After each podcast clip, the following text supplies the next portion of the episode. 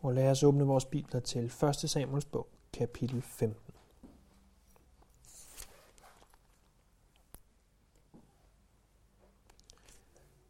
Her i begyndelsen af kapitlet, der minder Samuel Saul om,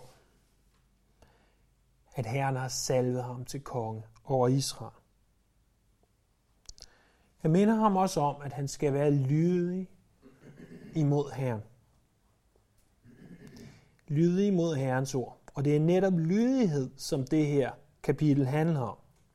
Lydighed over for Herren. Jeg har givet det titlen, at adlyde er bedre end ofre. Saul han bliver stillet over for et valg. Et valg, om han vil lytte til Gud eller til mennesker. Og du og jeg er konstant stillet over for det samme valg. Vil vi lytte til Herrens ord? Vil vi adlyde? Eller vil vi hellere lytte til, hvad mennesker siger til os? Vi læser først i vers 1-9. Samuel sagde til Saul, det var mig, Herren sendte for at salve dig til konge over sit folk, Israel. Vær nu lydig imod Herrens ord. Dette siger herskers herre. Jeg vil straffe amalekitterne for det, de gjorde mod israelitterne, da de spærrede vejen. Dengang israelitterne drog op fra Ægypten. Ryk nu ud og slå amalekitterne og læg band på alt, hvad der tilhører dem. Skån ikke nogen, men dræb både mænd og kvinder, børn og spæde, okser og får, kameler og æsler. Så opbød Saul herren og mønstrede dem i Telaim. Der var 200.000 mand fodfolk for uden 10.000 judæer. Saul nåede til Amaleks by og lagde sig i baghold i dalen. Han sagde til kenitterne, skil jer fra Amalekitterne og se at slippe væk, så jeg ikke kommer til at udrydde jer sammen med dem. I viste jo israelitterne godhed, dengang de drog op fra Ægypten. Så skilte kenitterne sig fra Amalekitterne, og Saul slog Amalekitterne og forfulgte dem fra Havila helt til Shur, som ligger øst for Ægypten. Han tog Amalekitterkongen Agag levende til fange, men hele folket lagde han band på med sværet. Men Saul og hans folk skånede Agag, og de bedste får og okser og fedekvæg og lam. Ja, alt det bedste. Det ville de ikke lægge band på, men alt det dårlige, værdiløse kvæg, det lagde de band på. Det, som Gud ønsker, det er at bruge Israel som et redskab til at straffe amalekitterne. Han vil straffe dem for det, de gjorde imod israelitterne, dengang de spærrede vejen for israelitterne, da de drog op fra Ægypten. Tilbage i 2. Mosebog, kapitel 17, der læser vi om det her. Prøv at slå op en gang.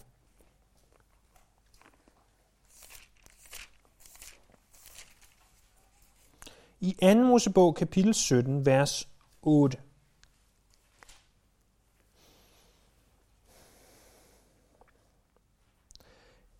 Amalekitterne kom og gik til angreb på israelitterne i Refidim. Da sagde Moses til Josva, udvalg nogle mænd og ryk ud til kamp mod amalekitterne. Og så er det, vi ser, at Moses han står, når han bliver træt i armene, så taber Israel, og når han får løftet armen, så vinder Israel. Prøv så at se i 5. Mosebog 25, vers 17.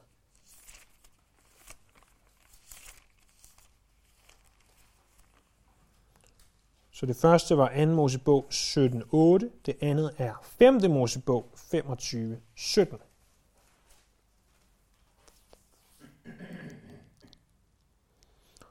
Husk, hvad amalekitterne gjorde imod dig undervejs da I var draget ud fra Ægypten. De kom ind imod dig på vejen, da du var udmattet og træt, og uden at frygte Gud huggede de bagtroppen ned, alle dem, der var sakket bagud.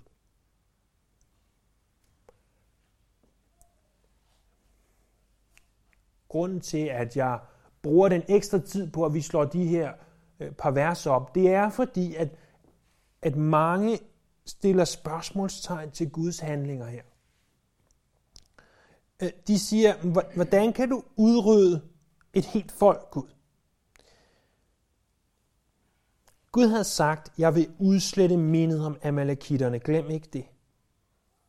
Folket havde glemt, at, at de skulle udslette mindet om Amalekitterne. Og nu bliver Saul så kaldet til at være det redskab, som Gud han bruger. Han bliver kaldet til at være lydig imod Herrens ord. Vi ved ikke andet om de her amalekitter, andet end at de går ind og slår israelitterne, når de er trætte, de er udmattede, og så oven i køben bagtroppen. Hvis der er én ting, Gud han hader, så er det, når at mennesker, eller det kunne også være vi, går efter de svage. De gik efter de svage, de udmattede, de der ikke kunne forsvare sig selv.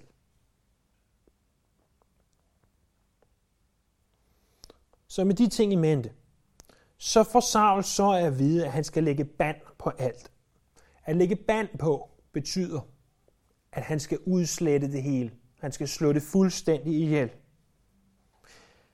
Der står, at intet skal skånes, hverken mænd, kvinder, børn eller spæde, eller okser, får eller kameler.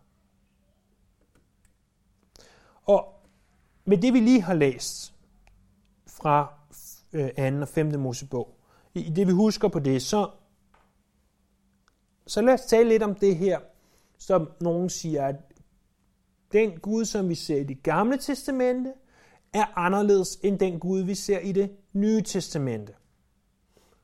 Øh, nogen vil sige, at Gud i det gamle testamente, øh, den Gud, som de ser i det gamle testamente, han er en hævnens Gud, og den Gud, de ser i det nye testamente, er en kærlighedens Gud.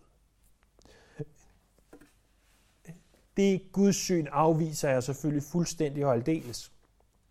Men jeg kan godt forstå, hvorfor nogen kunne fristes til at, at tro det.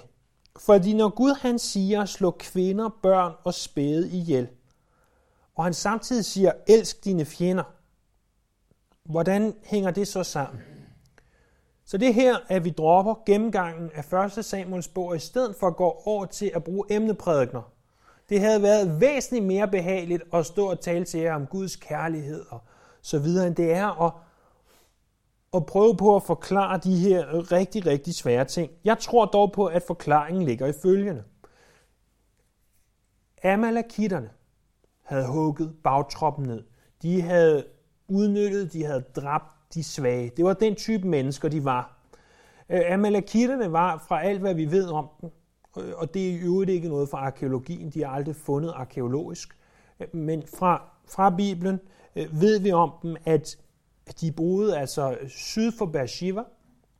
De var en slags nomadefolk. De øh, ser vi senere var syndere, øh, som vi selvfølgelig alle sammen er, men, men de var en slags, slags landevejsrøver, om du vil. Øh, vi læser senere om Agag, øh, deres konge, at han havde gjort kvinder barnløse, og at de var kendt for deres brutalitet. Det var det her, Gud ønskede at stoppe. De var altså et folk, som havde myrdet og slået ihjel og dræbt og udnyttet andre folk. Derudover så havde de gået imod Israel. Og det var alt det her Gud han ønskede at stoppe ved dem. Øh, derudover så ser vi omkring 600 år senere i Esters bog, at en Amalekit optræder, nemlig en af Agags efterkommere, øh, som vi kender som Haman.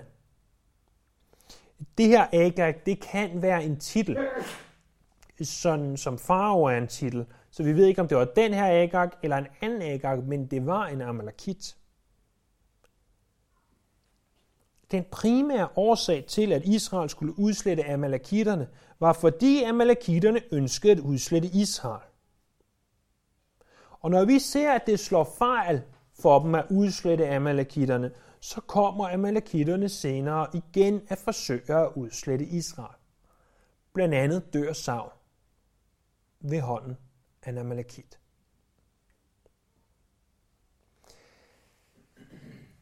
Så, for at opsummere, inden vi, vi konkluderer på, på det her, så er grunden til, at Gud han siger, læg band på dem, fordi de var et forfærdeligt folk,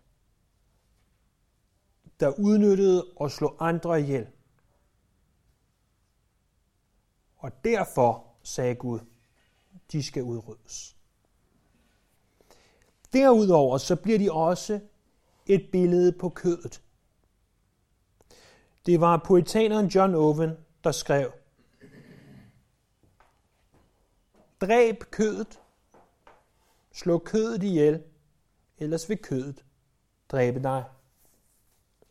Hvis du tillader dit kød bare en lille smule at overleve, hvis du siger, jeg vil gerne følge Gud. 98 ud af 100 gange, men de sidste to gange, dem vil jeg godt selv have lov at bestemme, så vil du se, at så vil det komme tilbage og forfølge dig senere, som Amalekitterne senere forfulgte Israel. Nu tror jeg ikke nødvendigvis, eller det håber jeg ikke, at det her det passer på nogen af, af os, der er her til stede i dag, men der kunne senere være nogen, der kunne komme til at høre det her og, og sidde og være rigtig, rigtig selvretfærdige og sige, ja, men det er ikke den Gud. Og, og sådan er vi ikke i dag, og vi er meget mere medmenneskelige, og vi tager flygtninge ind, og også selvom vi ikke kan lide dem, og alle mulige ting. Og inden vi, og, og med vi mener jeg inklusive mig selv, som mennesker bliver alt for selvretfærdige. Så prøv at tænke på, hvordan at, at vi behandler andre menneskeliv i dag. Jeg læste for et stykke tid siden i nyhederne, at 98 procent af de, der er gravide, som får konstateret et, et barn med Down-syndrom, de vælger bevidst at få aborteret fosteret. Og hvis den udvikling fortsætter, så vil der om 30 år ikke blive født flere børn i Danmark med Down-syndrom. Det er sådan, vi gør, når vi tænker, vi vil udrydde noget, vi ikke kan lide. Det er selvfølgelig forkert. Det kan vi ikke bestemme over, vi er ikke Gud. Men det er sådan, vi handler. Sådan vi tror, vi kan bestemme over det liv, som Gud har skabt.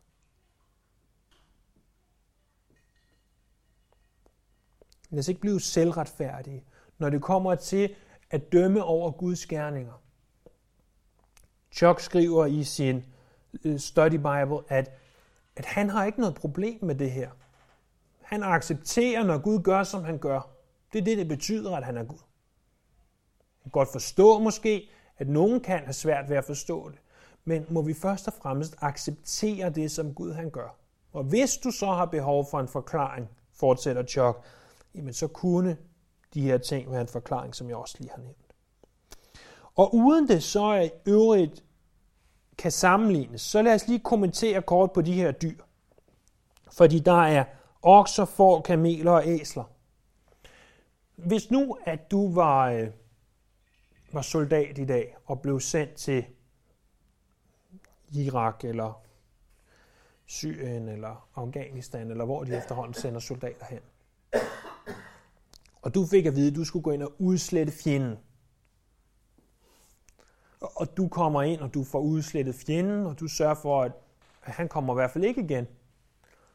Og så bag, så står du der, og så ser du, at han har en, øh, en Rolls Royce, og han har en, øh, en øh, limousine, og han har en, øh, en Porsche, og i øvrigt et kæmpe hus fyldt med masser af skat. I vores rationelle hjerner, der vil vi tænke, der er ingen grund til, at jeg bomber det her og ødelægger det her, eller bare går hen og kører nøglen op af hans øh, store, flotte bil i øvrigt, øh, nu hvor han er død. Det kan jeg lige så godt tage til mig selv og, øh, og tage med hjem.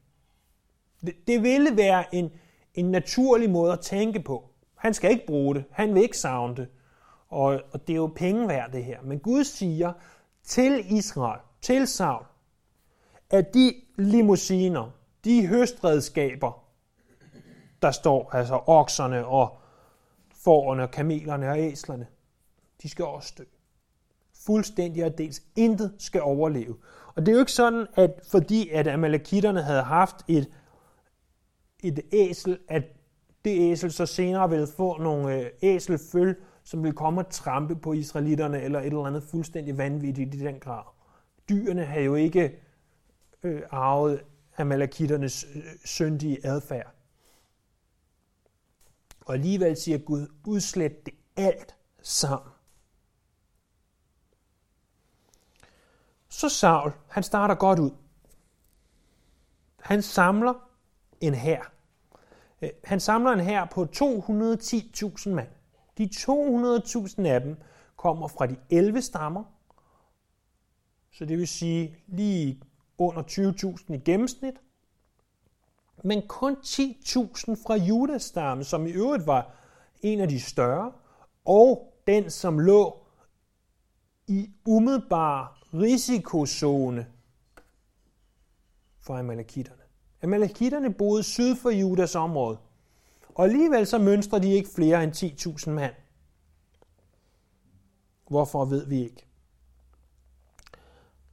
Saul samler sig så i Telaim, som vi tror er det samme som øh, Telem fra Josva kapitel 15, vers 24. Og så siger han til de her kenitter, at øh, flygt, for jeg kommer snart og udrydder det hele. Vi får forklaring i Dommebogen kapitel 1, vers 16 på, hvorfor at kenitterne har været gået imod israelitterne. Det har de, fordi at Moses svigerfar var kenit. Jetro hedder han. Han var kenit. Og Saul går i gang. Han udsletter, han hugger, han dræber. Alt det, der ikke er noget værd. Det, der er godt, det, der er noget værd. Kongen og øh, de bedste ting, det beholder han. Så læser vi videre fra vers 10 ned til vers 23.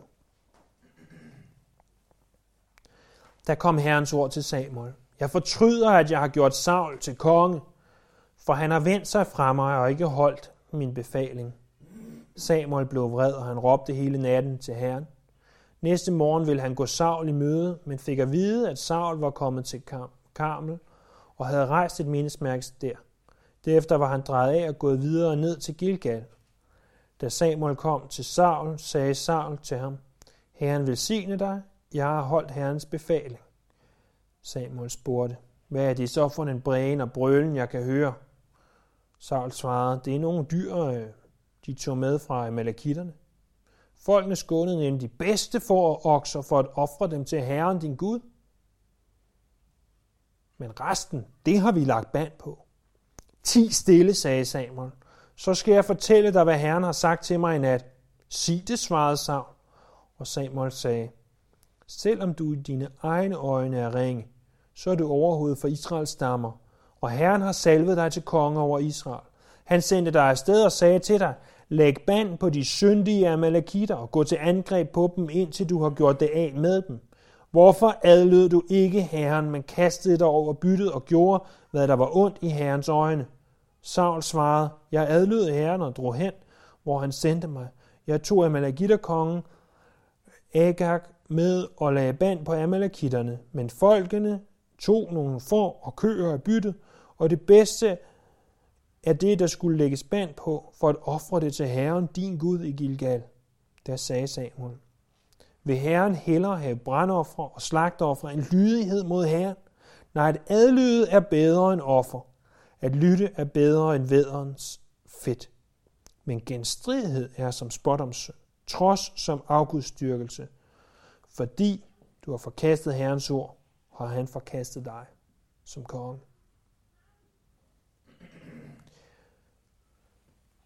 Så Samuel modtager et ord fra Herren.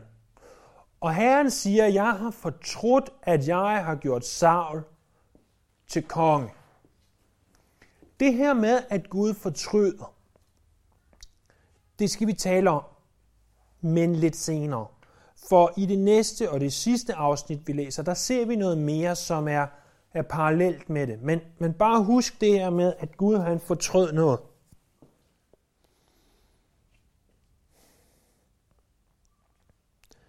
Samuel bliver vred, og jeg tror, at det, han bliver vred over, det er, at, at Saul, som var Guds udvalgte, han fejler. Han bliver vred på Saul over, at han har handlet, som han har. Saul går fra Amalekitterne nordpå til Karmel. Ikke Elias' Karmel, men en anden Karmel eller Karmel, som lå øh, nede i det sydlige del af Israel. Og der opstiller han et mindesmærke Hvorfor tror du, at Saul opstiller et mindesmærke? For at folk skulle huske Saul. Se, hvor fantastisk jeg er. Jeg har vundet over Amalekitterne. Og så, så møder Saul og Samuel hinanden. Og prøv at se med der. I vers 13. Det er rigtig tragisk, men rigtig meget, som, som vi mennesker er flest. Saul siger til Samuel, Herren velsigne dig, jeg har holdt Herrens befaling. Jeg har holdt Herrens befaling. Hvad i alverden snakker du om, Saul? Du har fået at vide, at du skal lægge band på alt. Du skal udsætte alt. Og så siger du, jeg har holdt Herrens befaling.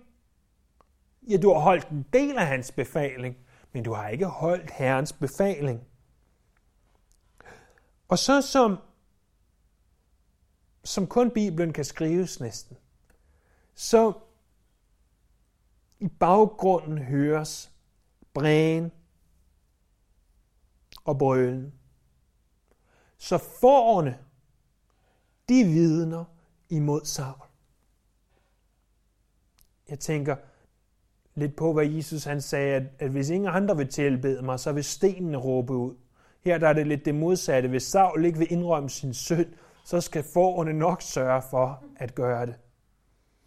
Og Samuel siger som, hvis du har holdt Herrens befaling, hvorfor kan jeg så høre brægen og brølen? Nå, det, det er ikke så meget. Det, det er bare lidt, lidt for og lidt, lidt køer og så videre. Det var folkene, der skånede det bedste. Men de gjorde det af en god grund. De gjorde det for at ofre det til Herren.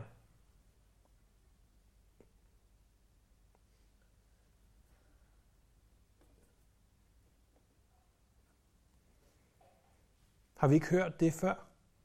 Har vi ikke engang måske selv sagt det før? Jeg gjorde det meste af det, Gud sagde til mig.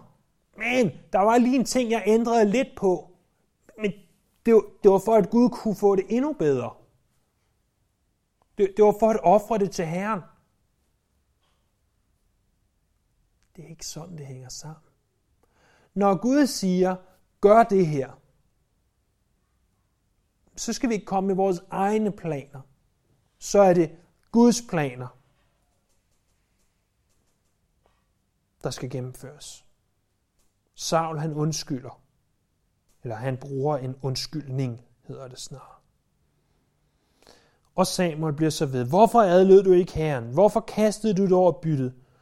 Og så, men sanden i vers 20, svarer Saul, jeg adlød herren og drog hen, hvor han sendte mig.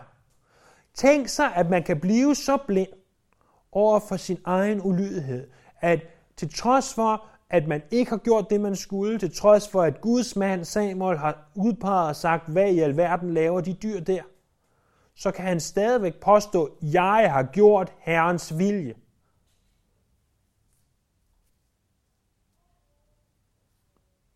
Og jeg tog Amalekitterkongen Agag og lagde band på Amalekitterne. Men folkene tog køer og får af byttet det bedste, der skulle lægges band på for at ofre det til Herren, din Gud i Gilgal. Jeg ved ikke, om det var Saul, der sagde til folket, I skal gøre det her. Det tror jeg egentlig ikke. Men Saul, han tog Agag. Og hvis folket har fået at vide, vi skal lægge band på alt. I det de så ser Saul tage kong Agag, så tænker de, formodentlig, hvis han kan tage noget som bytte, nemlig kongen, så kan vi også tage noget. Så kan vi tage for og køer og så videre.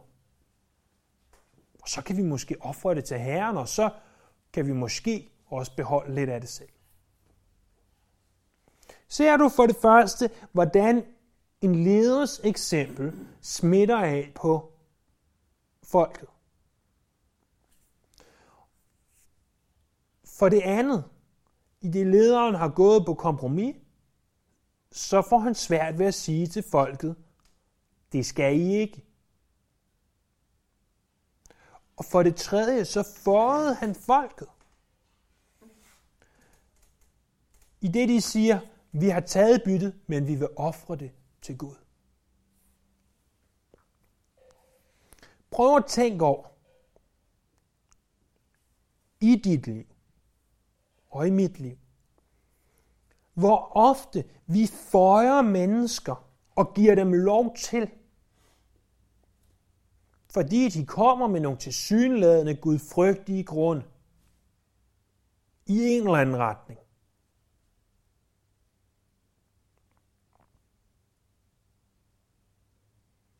Men Gud har i virkeligheden sagt, læg band på alt. Og så er det, at Samuel han siger,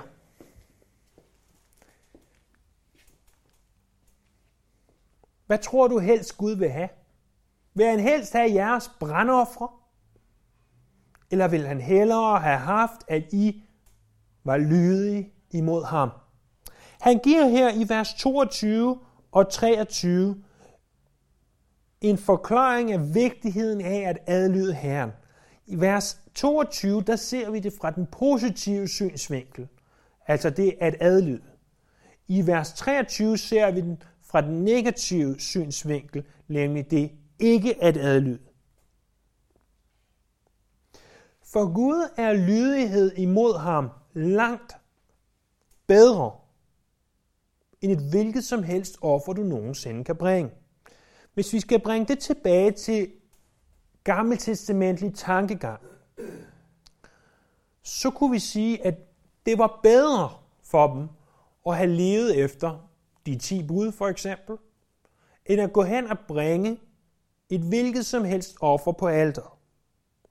Årsagen til det er jo selvfølgelig, at enhver kunne gå hen, hvis de ville bruge pengene på det i det mindste, og ofre på alteret. Det er en ydre handling. Men ingen kunne leve efter de 10 bud, hvis det ikke var noget, der kom fra hjertet. Nu taler jeg ikke om at leve efter de 10 bud øh, på den måde, som for eksempel fejsagerne og deres forgængere forsøgte at gøre det, ved at sige, øh, vi prøver i os selv at gøre det. Nu taler jeg om at leve efter de 10 bud, som Jesus udlagde de 10 bud i bjergprædiken. Og i øvrigt i evangeliet. Nemlig, at det er noget, der kommer indefra og forandrer os ud efter. Det handler således ikke først og fremmest om, hvilke religiøse handlinger vi foretager os, men om, hvorvidt vores liv bliver forvandlet af Jesus. Lad mig gentage det. Det handler ikke først og fremmest om, hvilke religiøse handlinger vi foretager os, men om hvorvidt vores liv bliver forvandlet af Jesus.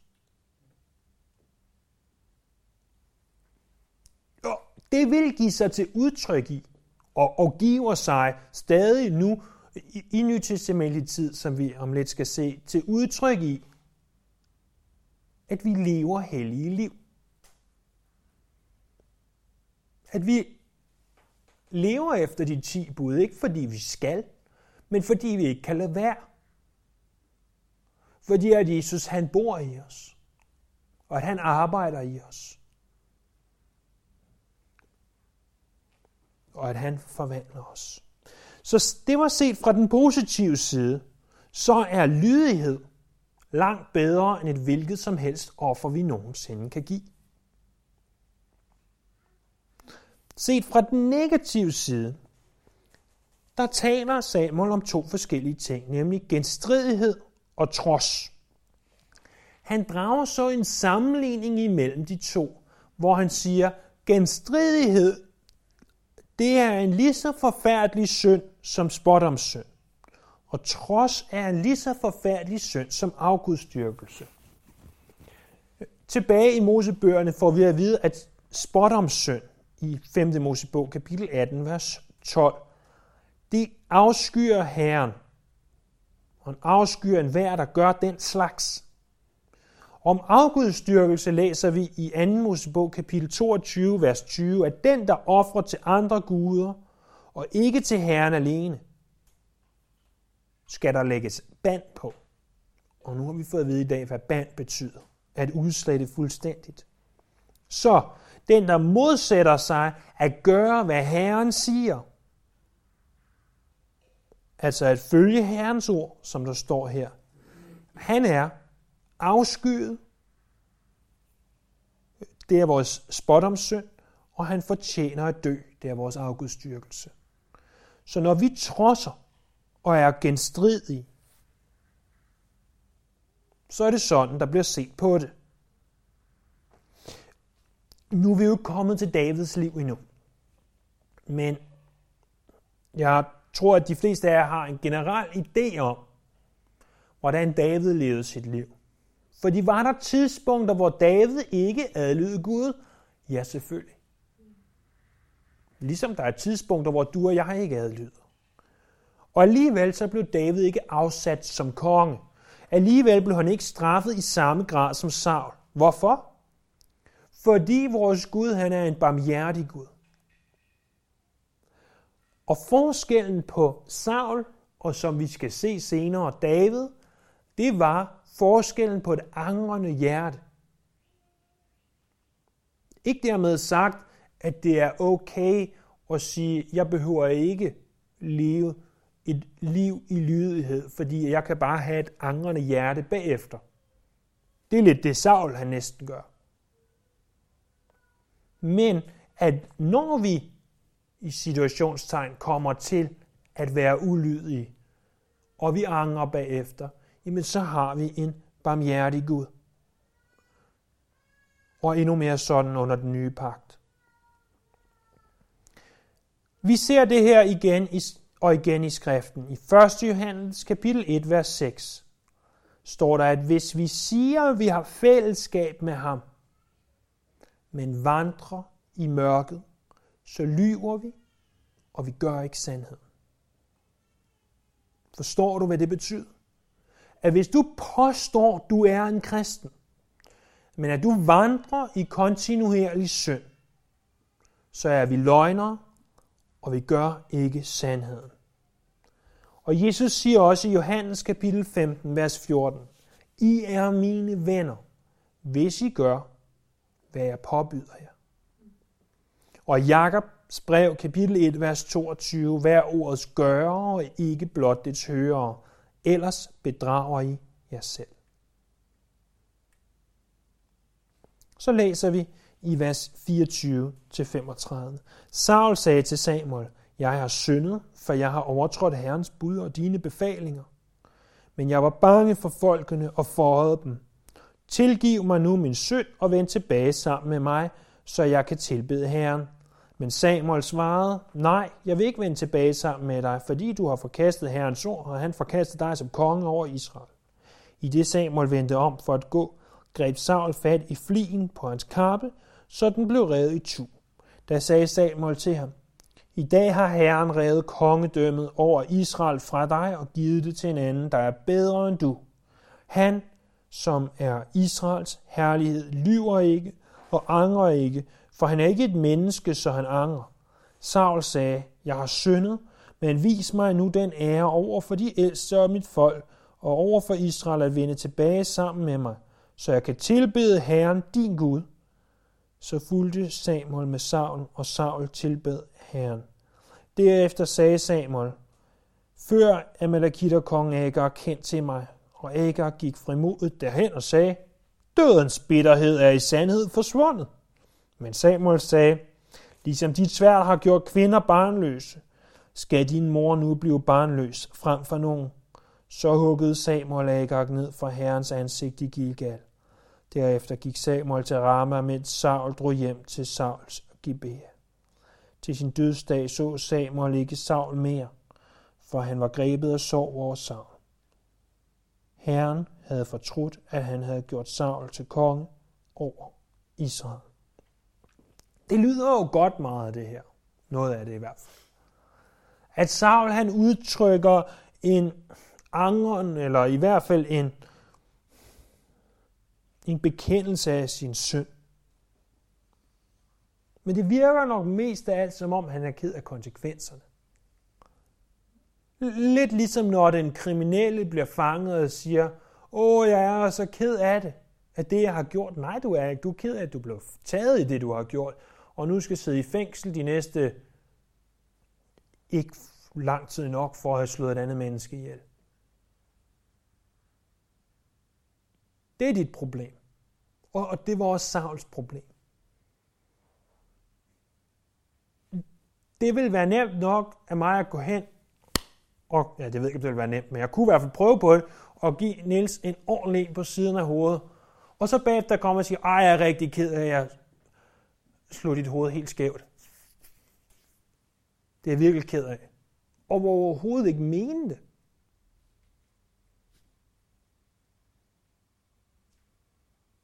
En ting er, at vi mener vores syndsbekendelse, eller om det bare er noget, vi siger. Husk, at Gud kan altid se, om du virkelig mener det eller ej. Vi andre kan ikke altid se, om vi virkelig mener det eller ej, men Gud ser det altid.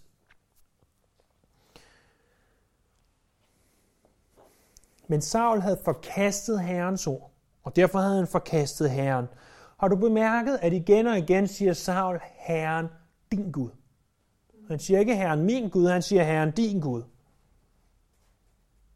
Og så i det, at Samuel siger, jeg kan altså ikke være mere sammen med dig, så tager Saul fat i ham.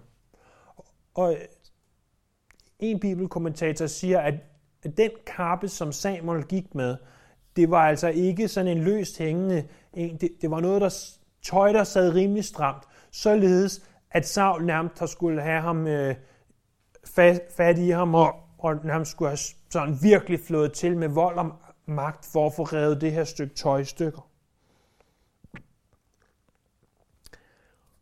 Og så siger Samuel til ham, kongeriget er taget fra dig. Det her, det er noget Israels herlighed, som ikke lyver og ikke angrer har sagt. Han er ikke et menneske, så han angrer. Det leder os til at tale om noget, noget andet rigtig vigtigt. Og det var der, hvor jeg sagde tidligere, husk lige på det her vers, hvor der står, at, at Gud han har fortrudt, at han har gjort til kongen. For det virker modstridende, at Gud på den ene side fortryder, og at Gud på den anden side ikke angrer. Det er vigtigt her at vide, at Gud han er uforanderlig.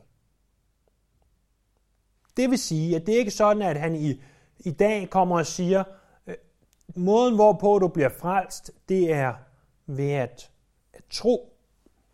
Og i morgen så kommer han og siger, måden hvorpå du bliver frelst, det er ved at betale en masse penge for det. Sådan er Gud ikke. Han forandrer sig ikke. Han kommer ikke i dag og siger, jeg elsker dig, og i morgen siger, jeg hader dig. Han forandrer sig ikke. Men, hvad så her? Jo, vers 11, og for den sags skyld også her i vers, vers 29, det er noget, vi kalder en antropomorfisk forklaring. Kommer af to ord. Anthropos, som betyder menneske, og morfage, som betyder noget i retning af, at, at det er en forvandling. Så det er en forvandling, det er en måde for mennesker at forklare tingene på. Det er en måde, hvorpå at vi bruger menneskelige udtryk til at forklare noget, som vi ellers ikke vil forstå. Når Gud til synligheden ændrer mening, det er det, vi ser her, så er det ikke Gud, der ændrer mening, så er det mennesker, der har ændret sig. Og vi får det forklaret med menneskelige udtryk. Hvis du går udenfor nu, og går op imod vinden, og så drejer dig 90 grader mod højre, og så fortsætter den retning i stedet, og så siger du, nu kommer vinden ind fra siden, så har vinden ikke ændret sig. Jeg er godt klar, at vinden kan ændre sig, men lad os sige, at det sker i et øjebliksbillede, så har vinden ikke ændret sig. Fordi den før kom i ansigtet på dig, og nu kommer på siden af dig, så har vinden ikke ændret sig, og du har ændret retning. Gud er som en søjle, der står fast. Og når vi bevæger os rundt i alle de ting, vi vil og gøre, som Saul havde gjort det, så er det ikke søjlen, der ændrer sig, men det er Saul, der ændrer sig i forhold til søjlen. Så når Gud fortryder, når Gud ikke angrer osv., eller at Gud angrer for den sags skyld, øh, så er det ikke, at han angrer. Han laver ikke om på det, han ville have gjort. Men mennesker har lavet om på det, og Gud har hele tiden vidst, hvad der skulle ske. Men det er altså en måde at forklare noget på, som vi ellers ikke ville kunne forstå. Men faktisk, ud over de teologiske dybder i det her, så er det langt vigtigere at huske på, at Gud forandrer sig ikke. Og så diskuterer de lidt, om Samuel skal med eller ej, og Samuel ender faktisk med at gå med ham. Og så kommer ham her Agar ud og siger, Nå, det var tæt på, var? Samuel siger ikke andet end, at du har gjort kvinder barnløs. Nu skal din mor være barnløs. English Standard Version oversætter det, at han hakker Agag i små stykker. Vi ved ikke 100% om det er det ordet betyder, for det er vist, så vidt jeg har orienteret, det eneste sted, det udtryk bruges.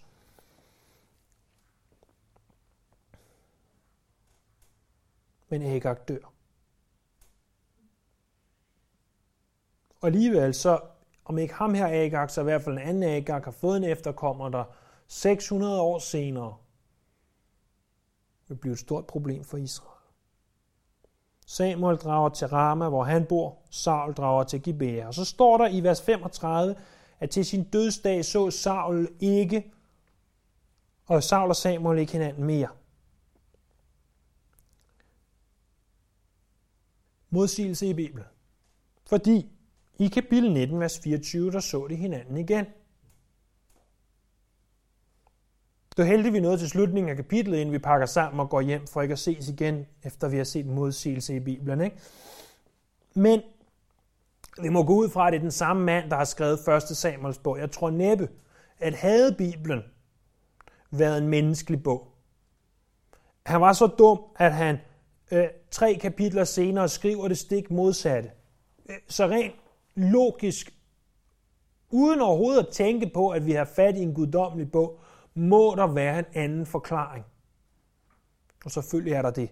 Forklaringen er, at Saul og Samuel så ikke hinanden på god fod igen. De snakkede ikke sammen igen i, i venskabelig forstand. Deres forhold ophørte på det her tidspunkt. Her der, der slutter det andet af de tre afsnit, som første Samuels bog inddeles i. Det første, der var Samuel hovedpersonen, det var de første syv kapitler.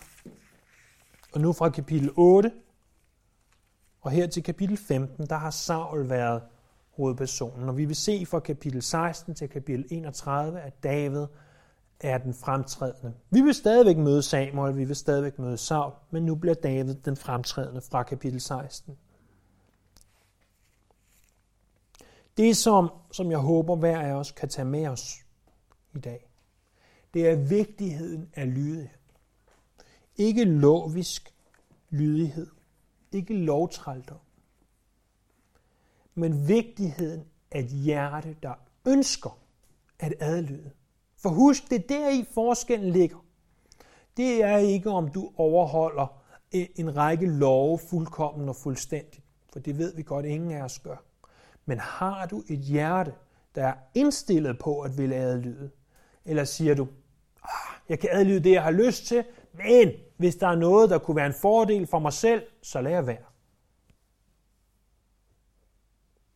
Lydighed imod Herren er langt bedre end brandoffer og slagtoffer. Lad os bede. Herre Jesus, tak, at, at du minder os om de her sandheder. Tak, at du minder os om, hvor, hvor vigtigt det er at gøre det, som du siger til os. Og jeg beder her, at, at du må arbejde de her ting i vores liv, så vi ikke tror, at det er i egen kraft eller styrke, men det er i, at du